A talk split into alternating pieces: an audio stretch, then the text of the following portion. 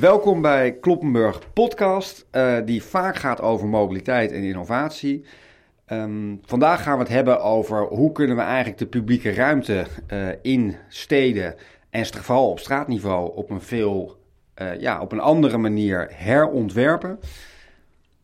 En daar hebben we een interessante gast voor. en wie hebben we vandaag?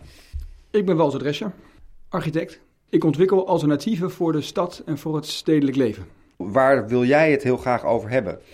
Nou, we zijn nu met iets heel erg uh, leuks bezig. In, in, eerste instantie in Den Haag en misschien ook op, gaan we het op meerdere steden uh, uitrollen. En dat heet de Vrijstraat. En daar zou ik graag wel uh, een gesprek met je over hebben. En waar gaat het gewoon concreet over? Gaat het over te veel of te weinig auto's in steden? Of gaat het over de publieke ruimte in, in straten? De Vrijstraat gaat voornamelijk over de, de steden, de stukken stad die gemaakt zijn voor de jaren 60. Dus voordat de auto echt een heel dominant vervoersmiddel was. Dus eigenlijk stukken stad die niet gemaakt zijn voor de dominantie van de auto. En waar nu de auto als een soort toevoeging bijgekomen is. En waar we eigenlijk tegen een heleboel ruimtelijke issues aanlopen. Het past niet zo goed meer, parkeren is moeilijk. Uh, er is heel veel ruimte voor het autoverkeer en heel weinig ruimte voor de rest van het leven. En dat hoeft niet. En maar mensen we... willen toch allemaal heel graag de eerste auto of de tweede of de derde auto hebben. In, in dit geval de Vrijstraat is in Den Haag. Nou, de Vrijstraat bestaat niet. De Vrijstraat is een procedure ja. waarmee we um, ja, eigenlijk op een andere manier de straat gaan herontwikkelen. In samenwerking met de bewoners. En wat je zegt is natuurlijk waar. Hè? De meeste mensen willen graag een eigen auto hebben. Dus die communicatie is heel belangrijk. En wat wij, waar wij mee starten is om te kijken of mensen het nodig hebben om een eigen auto te hebben of of ze een auto willen hebben. Ik wil nog iets duidelijker. Het probleem. Wat zie je nou eigenlijk als grootste probleem als architect op straatniveau in die publieke ruimte? Nou, een van de straten waar we bijvoorbeeld nu in Den Haag naar kijken, is een straatje van 300 meter lang. Daar, hebben we, daar wonen ongeveer 300 huishoudens. Ja. Nou, laten we zeggen dat dat um, 700 uh, mensen zijn. Van die 300 huishoudens zijn er 100 huishoudens die een auto hebben. Of in ieder geval, er staan 100 auto's. Sommige huishoudens hebben misschien twee auto's. Maar dat is in dat soort uh, stukken stad is dat uh, wat um, minder gebruikelijk. De meeste mensen hebben één auto. Dus je hebt 100 auto's op 300 huishoudens. Ja. Die 100 auto's gebruiken 60% van de openbare ruimte. 60% 60% van de openbare ruimte. En hoe meet je dat dan? Van gevel tot gevel? Ja. Ja, dus wat ik heb gedaan van de week toevallig eigenlijk, omdat we met een, een tool bezig zijn om dit uh, inzichtelijk te maken, hebben we eigenlijk heb ik even een lijntje getrokken, letterlijk van gevel tot gevel, van de ene kant tot de andere kant van de straat, totale ja. hoeveelheid vierkante meters. Daar heb ik de stoep van afgetrokken. Ja. En dan heb je dus wat je hebt voor wandelen. En dan heb je, de rest is eigenlijk op dit moment nagenoeg volledig gereserveerd voor de auto. En dat is dus 60% En dan heb je dus twee parkeerstroken vaak en één rijbaan. In dit geval één rijbaan en twee parkeerstroken. Op een heleboel plekken is het nog veel meer. Deze, deze straat valt nog wel mee. Er zijn extremere voorbeelden. Maar het is al gauw minstens 60% voor uh, autoverkeer en autoparkeren. En wat zie je dan eigenlijk als de klassieke voorbeelden waarbij, ja, die zijn natuurlijk wel redelijk uh, bekend, de rondjes rijden voor een parkeerplek om te zoeken, et cetera. Zeg maar wat kom jij nou als architect het meeste tegen van de grootste problematiek die het geeft in die, op straatniveau? Ja, ik vind het zelf gewoon heel jammer dat ik uh, in mijn eigen straat niet de voordeur open kan laten staan en mijn zoontje naar buiten kan laten lopen. Want die loopt dan waarschijnlijk tussen een paar geparkeerde auto's opeens de straat op. En dan komt er een fietser of een auto langs. En dan, uh, nou ja, dan gebeurt er iets wat je niet wil dat gebeurt. Dus het is de, de straat. Veiligheid. Ja, veiligheid is een heel. Maar ook gewoon uh, vrijheid voor mensen om te, om te bewegen. En ook van kinderen om te bewegen. Hè. Die, die muren van auto's die creëren natuurlijk ook aan de ene kant stoep. Hele grote muur en rijbaan. Dus het is best ingewikkeld om daar uh, op elke plek een beetje over te kunnen steken. Of op, op, op, op op straat wat te doen. Dus eigenlijk is de kwaliteit van leven veel minder dan dat het zou kunnen zijn op het moment dat we het op een andere manier zouden doen. En welke heilige huisjes loop je dan eigenlijk toch altijd uh, uh, tegenaan? Even in deze specifieke casus die je zo duidelijk beschrijft van 300 woningen, uh, wat je zei, en 100 auto's. Wat zijn de klassieke dingen die je altijd tegenkomt? Nou, het allerbelangrijkste is de heilige koe, de auto zelf. Hè. Mensen, mensen willen gewoon heel graag nog steeds een auto bezitten. Ja. Ook de, onze generatie trouwens. Hè. Dus mijn generatie, jonge ouders, hè, die waren vroeger waren de millennials. En daarvan zeiden we, die hoeven geen auto. Nou, alle millennials krijgen nu kinderen. En die willen wel een auto. Dat is ook logisch. Dus het, het auto willen hebben, dat is de grootste uitdaging waar we mee uh, aan de slag moeten. Dat vraagt echt een gedragsverandering die niet eenvoudig is om te bewerkstelligen. Kom je ook wel eens tegen dat, ze, dat parkeervergunningbeleid zeg maar, vrij is? Dat iedereen drie auto's mag, mag hebben? Er hangt altijd een prijs aan een vergunning. En de eerste vergunning is meestal ehm, ik weet niet of dat meestal zo is. In Den Haag is niet zo lang geleden is de tweede vergunning bijvoorbeeld heel veel goedkoper geworden. Je had eerst een eerste vergunning, dat is volgens mij in een heleboel gebieden is het 36 euro per jaar. Ja, dat is eigenlijk natuurlijk gewoon gratis. En de tweede vergunning was relatief duur. Ik heb geen idee wat het was, maar hij is in ieder geval veel goedkoper geworden. Ik weet ook niet wat hij nu is. Maar hij is zoveel goedkoper geworden dat er ongelooflijk veel mensen een tweede auto uh, hebben genomen. Echt heel veel. Dus dan zie je dus dat vergunningbeleid heel veel invloed heeft op de hoeveelheid auto's die je in een stad hebt. En daarnaast is er in Den Haag heel specifiek is geen maximum. En in andere steden wel, maar in Den Haag dus niet. Dus dan maak je de vergunning goedkoper. Dus er komen een heleboel auto's bij, dat sta je toe. En dan heb je op een heleboel plekken, er zijn plekken bij mij om de hoek... waar de auto's gewoon letterlijk aan twee kanten op de stoep staan... en waar je gewoon niet met een rolstoel langs kan. En als je even iets uitzoomt, uh, zeg maar niet alleen op de Haagse situatie... want je bent ook architect en je komt ook om heel veel andere gebieden. Welke gebieden zie jij eigenlijk vaak vanuit uh, stedenbouwkundig of, of ontwerpniveau... dat je zegt, nou, je ziet eigenlijk diezelfde straatproblematiek... met die publiek geparkeerde auto's... Welke wijken vind jij eigenlijk dat je zegt, nou daar zie je het echt terugkomen? Nou, een heel klassiek voorbeeld, wel uitzonderlijk, maar een klassiek voorbeeld is de grachtengordel in Amsterdam.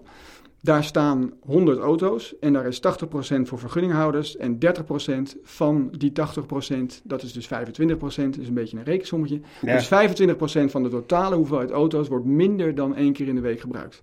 Ik denk dat alle luisteraars nu heel langzaam aan het rekenen zijn. Dus doe die som gewoon eens nog heel langzaam. Dus van de 100 auto's die aan de grachten in Amsterdam staan, worden er 25 minder dan één keer in de week gebruikt. Welke andere gebieden zie je nog meer waarvan je zegt, hey, die zijn op G32, dus de Haarlem, Gouda, Zutphen, Zwolle. Uh, want deze is een klassieker natuurlijk, de grachtengordel. Maar zie je ook in die middelgrote steden deze problematiek steeds vaker voorkomen?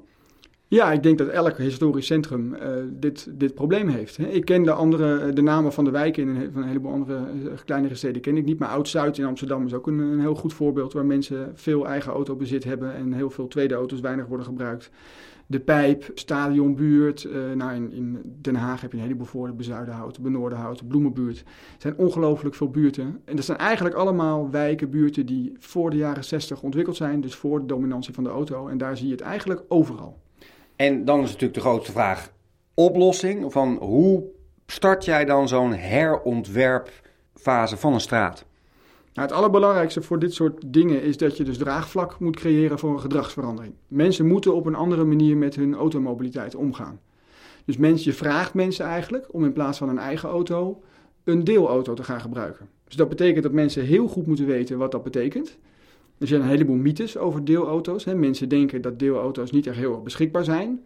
Nou, in de praktijk blijkt dat ze wel heel beschikbaar zijn. Mensen hebben vaak het idee dat deelauto's duur zijn. Nou, we hebben het voor een aantal gebruikers uitgerekend. Het scheelt 1000 euro per jaar voor de meeste gebruikers. Dat is best heel veel geld. Een heleboel mensen hebben het gevoel dat het gebruik van een deelauto heel erg ingewikkeld is. Nou, ik gebruik al tien jaar een deelauto en ik loop gewoon op een kaartje naar een auto en die auto gaat gewoon open. Ik stap in, ik rij weg en uh, hoe smerig ik hem ook terugzet, dat maakt niet uit. Uh, wat er ook mee aan de hand is, wordt allemaal opgelost. Hij is altijd in orde. Dus uh, de ervaring met auto, deelauto's voor mij is veel beter dan de ervaring met een eigen auto. En bij de meeste mensen leeft nog steeds de mythe dat dat niet zo is. Ja, en als ik nou zeg maar als voorbeeld in die straat zou wonen en we uh, er zijn die 100 auto's die er staan en 300 woningen.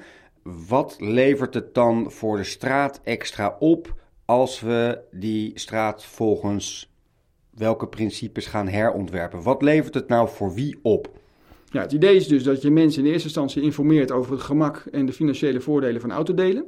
En dat je daar eigenlijk een soort bonusje vanuit de gemeente op, uh, op doet. Waarvan je zegt van nou, als jullie nou tien mensen in je straat vinden die bereid zijn om hun eigen auto weg te doen. In eerste instantie tijdelijk, maar hopelijk natuurlijk op termijn definitief. Ja. Dan heb je eigenlijk de parkeerdruk met tien auto's in die straat verlaagd. Dus dan kan je zonder dat er ergens anders hogere parkeerdruk ontstaat, kan je tien parkeerplekken opheffen. En daar kan je wat anders mee doen. Maar dan is de grote maar wat levert het dan voor de hele straat op? Wat, wat, hoeveel publieke ruimte komt er dan terug? Dan komt daar 10 keer 12 vierkante meter bij. Dus dat is 120 vierkante meter openbare ruimte. En dat is op zo'n straat van 300 meter, ik had het laatst uitgerekend, ik weet niet meer waar ik op uitkwam, kwam ik op 5% extra openbare ruimte. Maar je moet je eigenlijk voorstellen dat je door zo'n straat loopt en dat je aan twee kanten een rij met auto's hebt staan. Dat je op een gegeven moment ergens midden in die straat een tien lege plekken hebt. En dat er wat planten staan, wat bankjes, een speeldingetje. Dat geeft meteen een ongelooflijk ander beeld en een veel hogere kwaliteit van de openbare ruimte in het hart van je straat. En dat is waar het uiteindelijk om gaat. Bedoel je hier nou uh, eigenlijk uh, de Vrijstraat mee, waar je het eerder in het gesprek over had? Ja, dit is de procedure van de Vrijstraat. Dus de procedure van de Vrijstraat is um, een procedure die je in principe vanuit je groep bewoners in de straat kan initiëren. En waarvan de gemeente heeft gezegd: dit ondersteunen wij, hier doen wij aan mee wij maken dit mogelijk. En eigenlijk is het principe heel eenvoudig, namelijk je zegt tegen een bewoner: als jij je autovergunning inlevert, krijg jij die openbare ruimte die je daarmee niet meer belast met je auto die kan je samen met je medebewoners op een andere manier gaan inrichten. Dus als je met z'n tienen bent, dan heb je tien plekken vrijgemaakt. En dan kan je die tien plekken opnieuw gaan ontwerpen. Dat is het idee achter de Vrijstraat. En de uh, gemeente zegt dan ook heel duidelijk: deze vergunningen worden ook niet meer uitgegeven. Nee, dus dan krijg je natuurlijk de klassieker van ja, nee, maar ik ga wel die publieke ruimte uh, komt terug. Maar ik parkeer lekker op zo'n Hollands mijn autootje twee wijkjes verder. Want zo zijn de Hollanders. Ja, en dat is dus niet, de, dan is het geen vrijstraatprocedure meer. De Vrijstraat is één op één koppeling. Dus in die straat worden tien vergunningen ingeleverd. En alleen dan kan je gaan herontwerpen. Ja, en die tien vergunningen inlevert. Dus, maar, maar dan in principe, als je elke keer zegt dat je het idee hebt dat mensen iets afneemt, dan lijkt me dat mensen niet heel snel zullen zeggen: Nou, ik heb nou na tien jaar eh, eindelijk die vergunning. Hoera, hoera. Uh, waarom zou ik die gaan inleveren? Dat is inderdaad, daar kom je weer terug dus bij de communicatie. Van hoe uh, verkoop je het idee? Het is eigenlijk gewoon verkopen. Dus we moeten mensen gaan uitleggen van... Nou, één... Wat levert het op? Dat is ja. de grootste issue. Wat levert het, uh, uh, die tien plekken of twintig plekken nou eigenlijk op voor die bewoners in zijn geheel? Ja, voor die bewoners in zijn geheel is het denk ik gewoon winst. Hè? Dus ook als je niet zelf je auto inlevert en andere tien mensen doen dat wel, dan heb jij een mooiere straat. Dus, ja, dus voor die mensen is het heel fijn. En voor de mensen die zelf hun auto inleveren, ja, het is natuurlijk voor hun ook feest, want ze gaan een heleboel geld eh, besparen. En ze hebben in plaats van één type auto, hebben ze vijf of zes verschillende type auto's tot hun beschikking.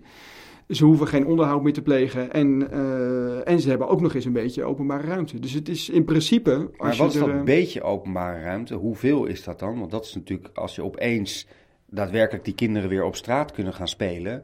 dat is eigenlijk bijna een van de grootste facetten daarvan. Ja, maar het is er heel erg van afhankelijk hoeveel mensen er meedoen. Kijk, in onderzoeken komt er, komen er getallen van 20% die nu, vandaag, al bereid zijn om uh, te gaan autodelen.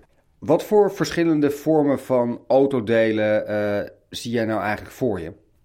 Nou, er zijn er al uh, er zijn er een aantal. Dus de eerste en de makkelijkste en denk ik de bekendste is vormen zoals Greenwheels. Dat is een bedrijf die koopt auto's en die huurt ze eigenlijk aan, verhuurt ze eigenlijk aan uh, bewoners op een heel snelle, eenvoudige manier. Met een appje, je stapt in, je rijdt weg en achteraf afrekenen.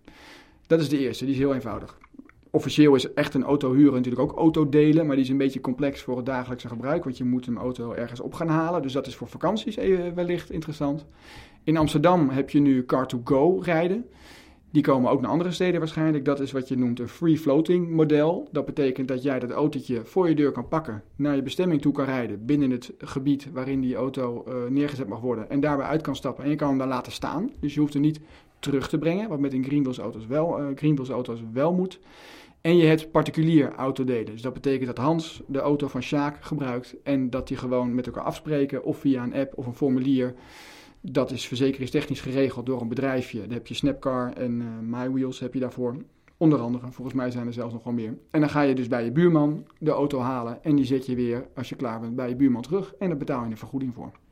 Waaruit zie je dat de mensen meer tevreden zijn met hun, ja, verschrikkelijk woord, leefklimaat in hun straat. Omdat er een bankje staat, of dat er een speeltoestel staat, of dat de, de kinderen weer lekker op straat kunnen voetballen, weet ik veel wat. dat zijn dingen die in een heleboel verschillende uh, onderzoeken is dat ook teruggekomen. Er is niet zo heel lang geleden is er een, een grote enquête geweest, in, uh, ook weer in Den Haag. Ik zit een beetje op Den Haag, daar woon ja. ik nou eenmaal. Het is niet anders. Vaak om doen. En daar kwam uit dat uh, op nummer 1 stond dat de mensen in de stad groen misten en uh, openbare ruimte en speelgelegenheid missen. Dat missen de mensen het meeste in hun stad. Ja? Ja. En dat is interessant, want dan zie je dus dat mensen wel degelijk behoefte hebben aan andere uh, openbare ruimtes. En uiteindelijk is de, de, het allerbelangrijkste van de Vrijstraat is dat het volledig vrijwillig is. En dat je dus met z'n allen wat gesprek aangaat. En dat je met z'n allen ook kijkt wat je dan wil hebben. Ja, maar dat vind ik nog helemaal grappig. Kan je dan, want ik zie allemaal weer Kafka-achtige gemeenteregels, wat ik wel mag en niet mag.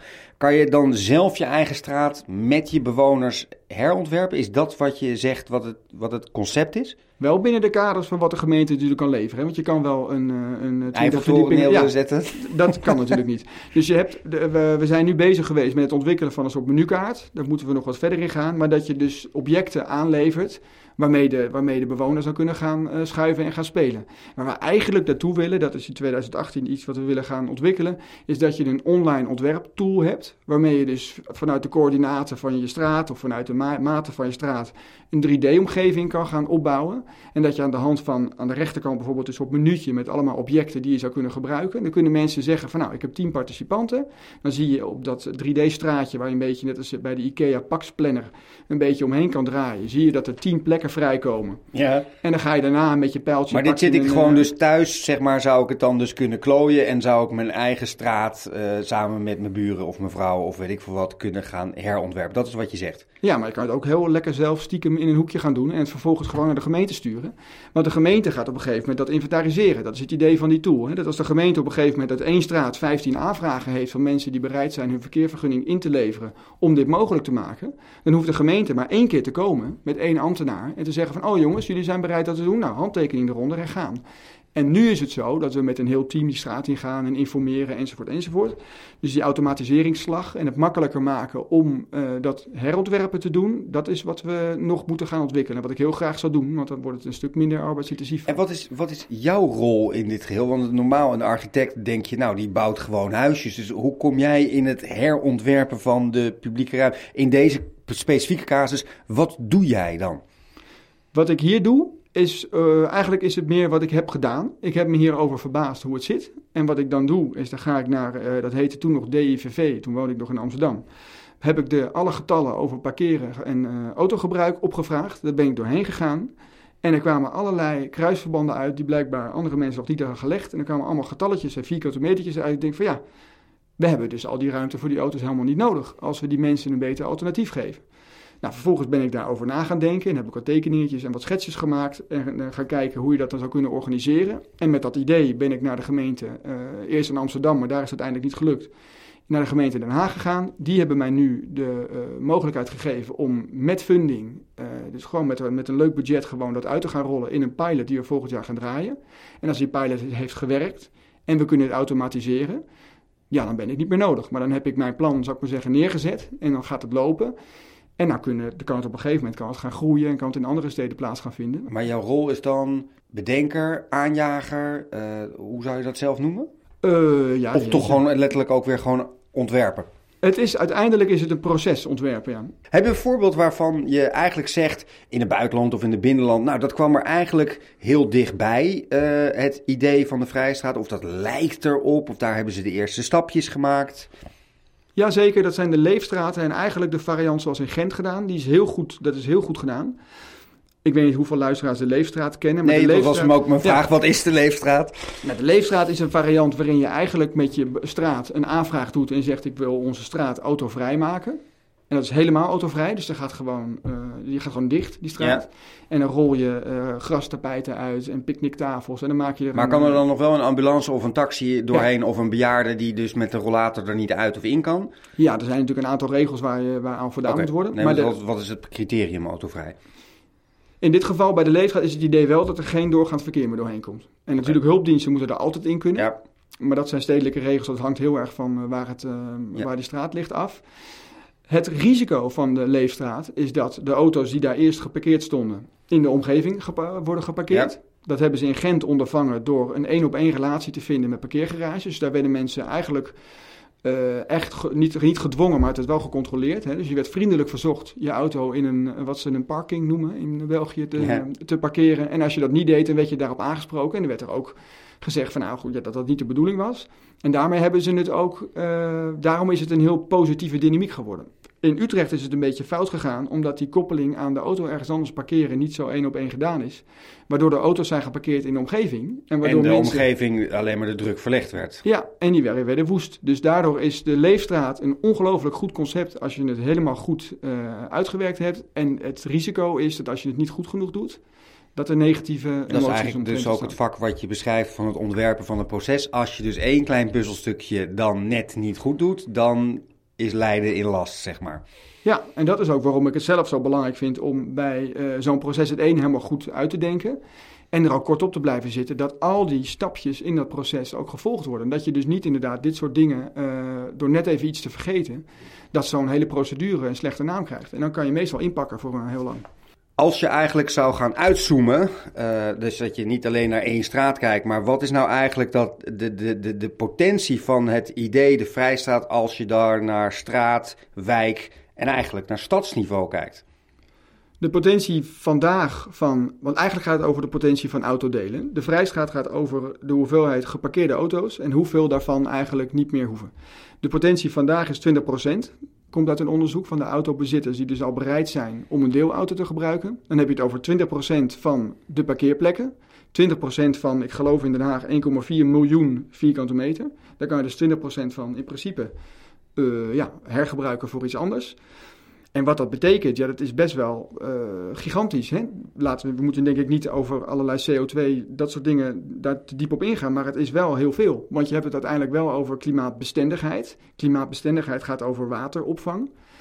Daar hebben we nu een heel groot probleem mee. Daar hebben alle steden in de wereld en vooral in Nederland met het hoge water hebben daar uh, een uitdaging. Dus dat is echt een vraag waar we op moeten reageren. De Vrijstraat biedt daar, biedt daar iets voor. Je hebt het over de gezondheid van mensen. Hè? Als je heel even de, klimaat, dat betekent dat je dus de geparkeerde auto's, dus het asfalt wat er lag, doordat je het verandert naar gras of groen, dat dat makkelijker het water kan opnemen. Is dat wat je bedoelt? Dat is exact wat ik bedoel, ja. Oké. Dus je hebt uh, een, een, een stukje oplossing voor een heel groot probleem waar we nu tegen, tegenaan lopen. Er moet nog veel meer gebeuren om dat op te lossen, maar dit is al een goede stap. Nou, daarnaast is het zo dat het contact met, uh, ik hou niet zo van het woord, maar laten we zeggen met groen, heel belangrijk is voor het welzijn van mensen.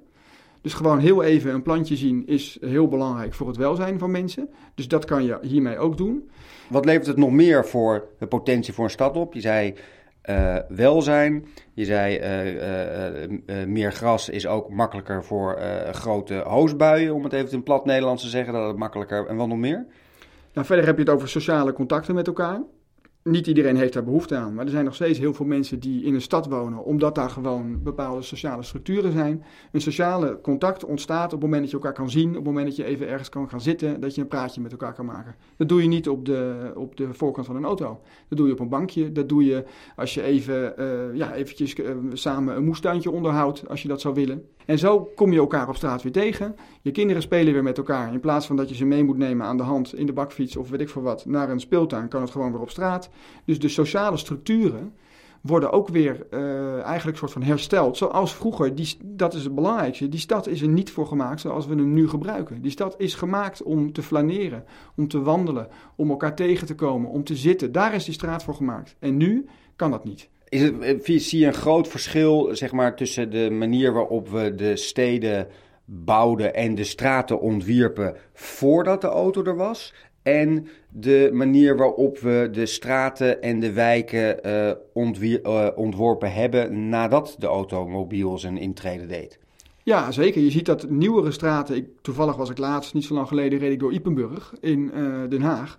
Ja, we kunnen er een heleboel van vinden. Maar het is daar echt gewoon heerlijk. Veel fietspaden, veel groen, een bosrijke omgeving en de weggetjes gaan precies daar waar ze naartoe moeten. Iedereen heeft zijn auto op zijn eigen parkeerplek, op zijn eigen, in zijn eigen uh, stukje land staan, dus niet op straat. Je kan helemaal nagenoeg niet op straat parkeren op dat stukje waar ik toevallig was. Dus dan heb je ook een hele fijne omgeving. Dat creëert een heleboel andere uitdagingen waar we mee om moeten gaan. Hè? Maar die kwaliteit van leven heb je in zo'n wijk heel erg. Het groen, het fietsen, het wandelen, het elkaar tegenkomen. Wat, uh, wat zie jij nou eigenlijk als de volgende concrete stap voor de Vrijstaat? Nou, die stap is nu in gang gezet. We gaan in maart is het autodeel, uh, autodeelmaand in de gemeente Den Haag. En dan gaan wij communiceren uitgebreider over de Vrijstraat. En daarna gaan we straten uitzoeken en dan gaan we starten. Dus dan gaan we mensen benaderen, vragen of ze hun auto ergens anders willen parkeren. We hebben de ruimte al waar die auto's kunnen gaan staan. Dus mensen hoeven niet meteen een auto te verkopen. Dat kunnen ze later doen. Maar we gaan een half jaar testen, kijken wat mensen ervan vinden. En als ze gelukkig zijn, dan blijft het. En als ze gewoon lekker weer die auto voor de deur willen hebben, nou, dan halen we ze weer terug. Dus als het uh, aan jou ligt, dan zijn we over een jaar of over een half jaar, over een jaar kunnen wij in deze eerste vrijstraat rondwandelen? Ja, ja, en kom alle kijken, want ik denk dat het uiteindelijk heel belangrijk is dat iedereen zijn eigen straat uh, ja, heroverweegt. Hè? Of je nou uiteindelijk het doet zoals wij je nu voorstellen, maakt eigenlijk niet uit. Maar het gewoon eens een keertje een stapje terug doen, om je heen kijken en je afvragen van is het nou nodig om het zo te doen zoals we het doen? Dat is denk ik een belangrijke vraag om je af en toe te stellen. Nou, we zijn ontzettend benieuwd of we dat volgend jaar of over een half jaar ook eh, gaan meemaken. Dank voor je deelname aan deze podcast. Graag gedaan.